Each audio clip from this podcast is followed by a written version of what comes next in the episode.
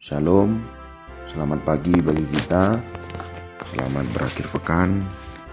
Sebelum kita memulai aktivitas, mari kita mendengar firman Tuhan yang tertulis di dalam Matius 24 ayat 31. Dan dia akan menyuruh keluar malaikat-malaikatnya dengan meniup sangkakala yang dahsyat bunyinya, dan mereka akan mengumpulkan orang-orang pilihannya dari keempat penjuru. Aku pun ikut serta. Suara firman melalui Kidung Jemaat nomor 278 ayat pertama dengan lirik syair Bila sangkakala menggegap dan zaman berhenti Fajar baru yang abadi merekah Bila nanti dibacakan nama orang tertebus Pada saat itu aku pun serta. Bila nama dibacakan Bila nama dibacakan Pada saat itu pun aku serta. Mengingatkan kita tentang keadaan saat akhir zaman akan datang seperti apa yang dikatakan di akhir hidup Stefanus. Sungguh, aku melihat langit terbuka dan anak manusia berdiri di sebelah kanan Allah. Apa artinya ini? Mata iman orang percaya melihat jauh ke depan. Di balik kehidupannya di dunia ini, inilah istilah yang lazim di dalam kekristenan yaitu wahyu, apokalipto, atau penyataan Allah kepada umat percaya. Hal inilah yang hendak diingatkan oleh Yesus dalam khotbahnya tentang akhir zaman.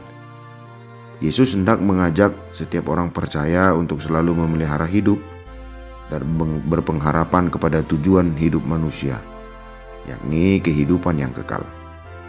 Kini kita hadir menjadi pendengar khotbah akhir zaman Yesus ini.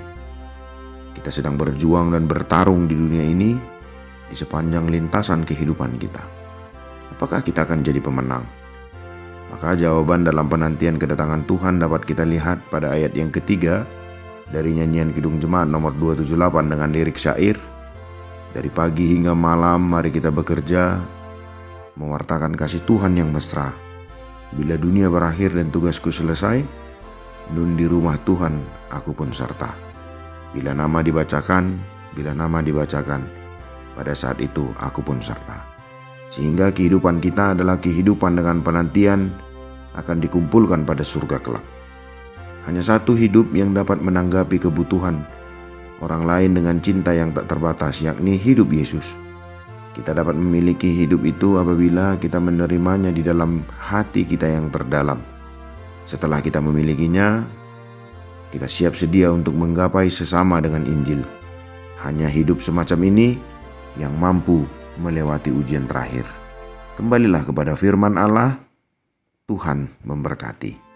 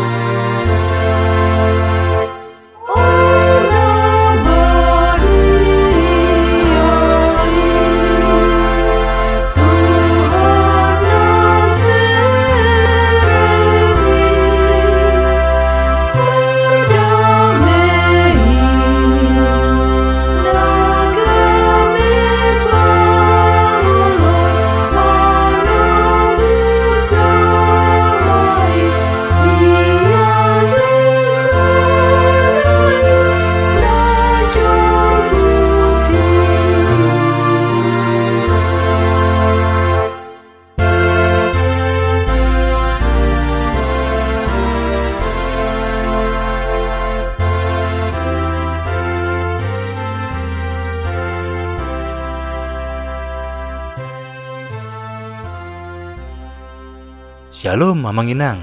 Terima kasih sudah mengawali hari dengan mendengarkan renungan hari ini. Yuk bagikan renungan harian ini kepada keluarga kita sehingga firman Tuhan itu tidak kembali sia-sia, namun berbuah dan terpelihara. Tuhan Yesus memberkati.